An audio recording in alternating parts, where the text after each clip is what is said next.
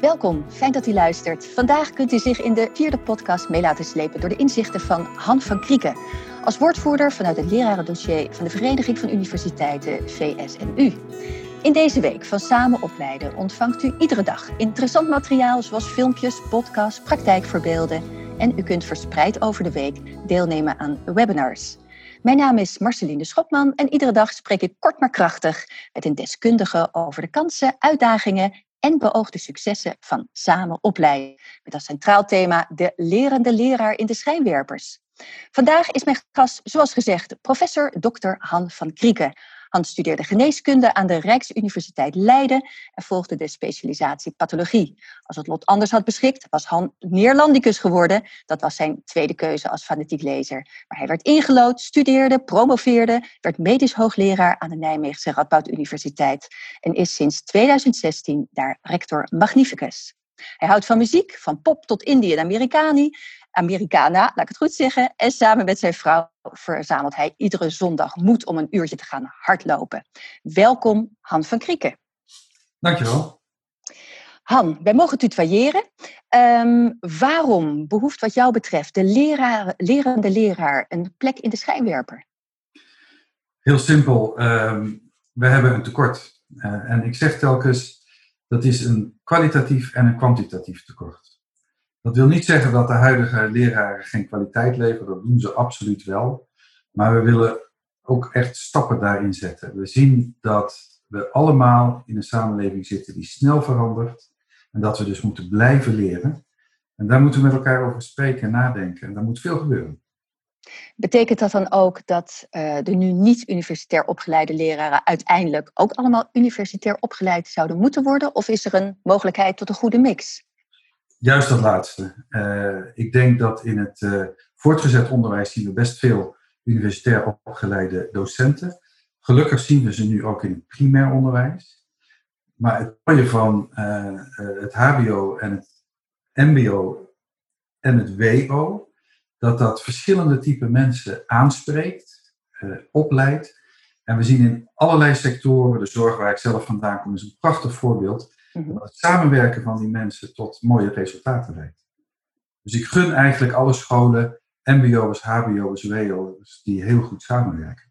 Okay, en nu zijn eigenlijk de universitair opgeleide docenten relatief ondervertegenwoordigd en vandaar een soort inhaalslag? Ja, je ziet dat uh, op het uh, middelbaar onderwijs, uh, dat er een hele tijd erg veel academisch opgeleide, zelfs gepromoveerde docenten waren. Uh, en die generatie is met pensioen aan het gaan. Mm-hmm. En uh, we hebben misschien een beetje te lang de lerarenopleidingen aan de universiteiten ondergewaardeerd.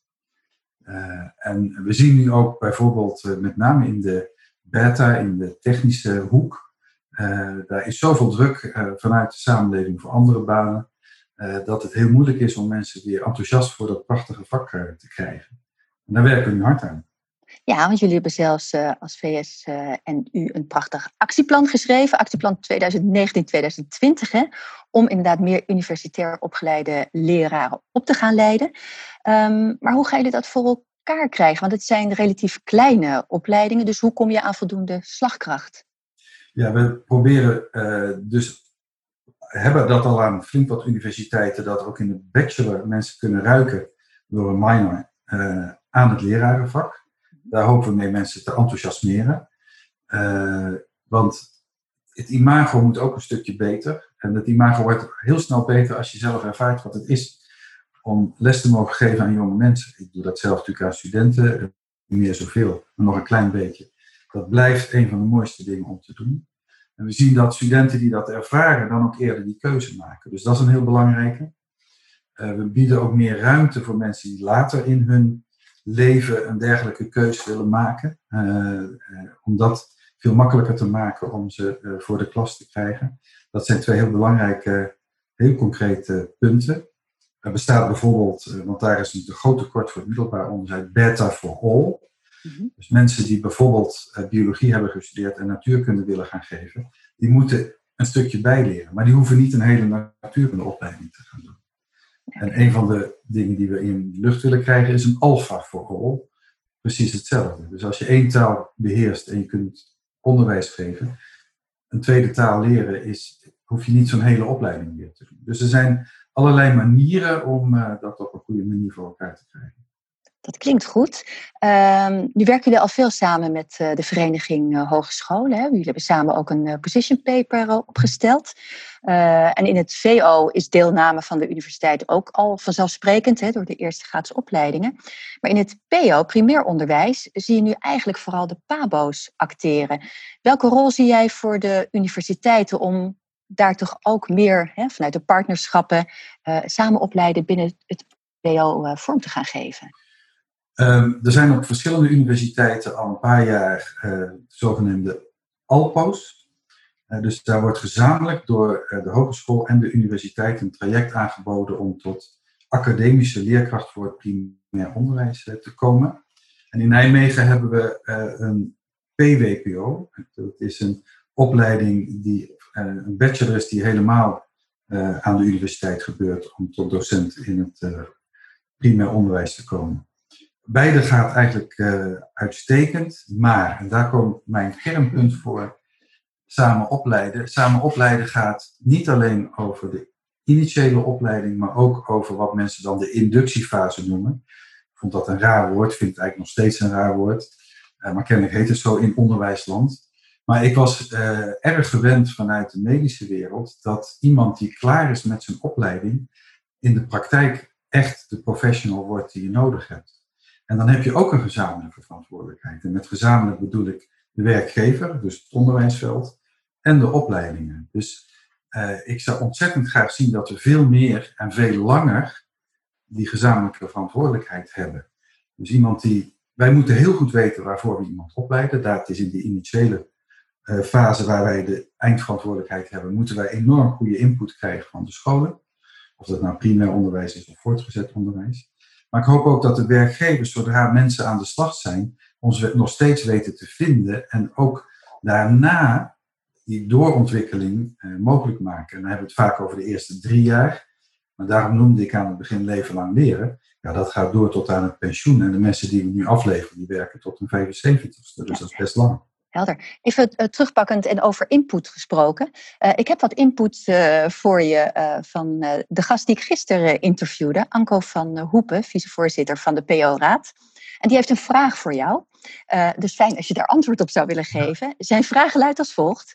Het primair onderwijs en speciaal onderwijs kent een steeds groter wordend lerarentekort. Welke mogelijkheden bieden naar jouw idee, de partnerschappen om een gezamenlijke aanpak voor het lerarentekort uit te voeren? Nou, die is minder kritisch en moeilijk dan die meestal aan mij stelt. Wat een geluk. Ik vind het feit trouwens dat hij dat meestal wel doet. Maar nee, ik denk echt dat wij hier samen, door goed na te denken en uh, uh, pedagogische uh, studenten, maar ook andere studenten, naar dat primair onderwijs te krijgen, om ze daar enthousiast mee te krijgen. Mhm. Wat heel erg nodig is, dat we dan ook die academische docenten een mooie plek in die scholen laten te krijgen. Helaas gebeurt het af en toe nog wel eens. Dan uh, komt een academisch gevormde docent uh, op de basisschool. Uh, en dan zeggen de collega's, nou ga eerst maar eens meters maken en ga daarna die academische hobby van je maar doen. Dan doen we het echt fout. Dat is jammer. Gelukkig is dat niet de regel. Maar we moeten heel erg goed nadenken dat je zo'n gemengd team van verschillende achtergronden ook een gemengd team laat zijn, met ieder zijn eigen rol dat is de uitdaging die wij samen hebben. En uh, ik ben ervan overtuigd dat Anko dat graag samen met mij oppakt. Dat is mooi. Um, als je uh, uh, kijkt naar wat jullie belangrijk vinden bij de hogescholen, de universiteiten, dan wordt er heel erg ingezet op de flexibilisering en modulering. hoe gaat het heel kort in één zin concreet bijdragen aan de professionalisering van leraren?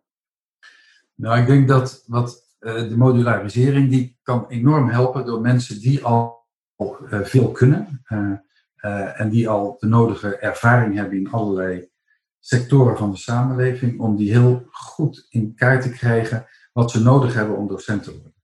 We zien dat mensen later die keuzes soms maken en dan moeten we ze niet weer een vierjarige opleiding aanbieden of zelfs een tweejarige is soms helemaal niet nodig. Maar dan moeten we heel goed weten wat zijn eigenlijk de eindtermen uh, dus de leeruitkomsten die we willen bereiken, moeten we goed in beeld hebben. En we moeten dan weten welke modules daarbij horen om mensen te helpen daar te komen. Ja, dus weten wat de leraar wil en weten wat daarop aansluit om dat zo goed mogelijk vorm te geven. Ja, wil en kan met name. Ja. ja. En nog niet. Um, dank voor al deze antwoorden. Nu aan u om een mooie vraag te stellen aan de, de gast van morgen. En dat is Frank van Hout, bestuurslid van de MBO-raad. Heeft u een mooie vraag voor hem? Ja, die, lijkt een beetje op uh, de vraag die Anko aan mij stelde, maar ook waar ik net over uh, had. Sommige mensen denken dat het MBO en het WO heel ver van elkaar afstaan omdat ze denken, nou, als je heel goed bent, kan je naar de universiteit. Ben je een beetje minder goed, kan je naar de HBO. En ben je nog minder goed, dan kan je naar het MBO. En dat is echt heel erg verkeerd. Want wij aan de universiteit hebben MBO's heel hard nodig. En onze studenten zullen met MBO's en HBO's gaan werken, die ieder een eigen deskundigheid hebben. Veel dingen die HBO's en MBO's wel kunnen, kunnen onze universitair geschoolde mensen niet. En ik zou heel graag aan Frank willen vragen hoe we het samen voor elkaar krijgen om onze studenten in zijn opleidingen, in zijn scholen een rol te laten spelen, om ze te laten ervaren hoe fijn het is om met MBO's te kunnen werken. Ik vind dat een heel mooie vraag. Ik ga hem morgen stellen. Uh, Hans van Krieken, heel hartelijk dank uh, voor het delen van uw uh, inzichten. en luisteraars, u ook bedankt voor het luisteren naar deze aflevering van de podcast Samen Opleiden. Vond u het interessant? Deel de podcast met anderen, want samen opleiden doe je immers samen. u vindt ons online via de nieuwsbrief en de website van Platform Samen Opleiden en ook in uw podcast-app. Graag tot morgen bij het interview met Frank van Hout, bestuurder van de MBO-raad. Dag.